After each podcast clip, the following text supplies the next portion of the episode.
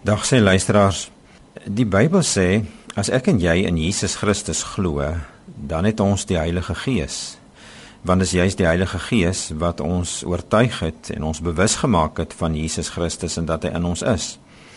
Nou as jy Romeine 14 vers 17 weer gaan lees, dan staan daar die wonderlike ding dat waar die Heilige Gees is, is daar vreugde. En nou wil ek sommer so op hierdie oggend vir jou vra, het jy vreugde in jou lewe?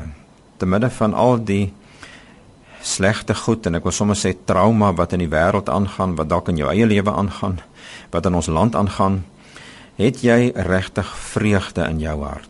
Want onthou, as jy 'n gelowige is en jy glo in God, jy glo in Christus Jesus, het jy die Heilige Gees in jou en is daar geweldig baie rede tot blydskap. Filippense 4 vers 4 sê ook mos altyd verbly jou in die Here. Ja, ek herhaal verbly jou in die Here.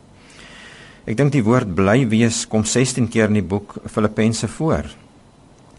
En nou wil ek weer vra, het jy regtig vreugde en blydskap? Eintlik sê die Bybel dit sterker dat ons vreugde en blydskap meer word en meer word hoe langer die Here met ons pad stap. So kan ek hier so al 'n entjie weg in 2016 vir jou vra, is dit waar van jou dat jou blydskap en jou vreugde meer word en meer word en nie minder word nie? So of dit nou beter gaan in jou persoonlike situasie of beter gaan in die land, die vraag is, word jou vreugde meer en meer? Want as dit nie meer en meer word nie, dan het ons 'n probleem. Dan beteken dit jou fokus is op die verkeerde goed, op die verkeerde plek. Dan is jou fokus nie op God nie. En dis juis wat die Heilige Gees wil doen. Die Heilige Gees wil mense help om Jesus raak te sien. En as jy Jesus raak sien, sien jy die Vader raak. En dis die enigste rede tot blydskap wat 'n mens het. Is wanneer jy weer raak sien wie God is en wat hy in Jesus kom doen het. Nou kom ek sê dit sommer net gou op 'n ander manier. Julle as as slegte voorbeelde 'n invloed op 'n mens se lewe kan hê, nê. Nee.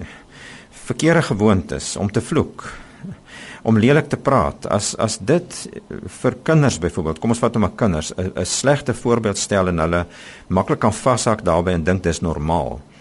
Kom ons maak dit positief. Dink net hoe kan 'n positiewe voorbeeld mense beïnvloed? En wat 'n positiewe voorbeeld praat ek vanoggend van om jou te laat lei deur die Heilige Gees om vir die Heilige Gees toe te laat om jou fokus op Christus te sit. Laat jou kinders en laat mense rondom jou dit sien. Dink net hoe jy jou gesin kan beïnvloed, jou werkling kan beïnvloed en dink net hoe jy die wêreld daar buite kan beïnvloed.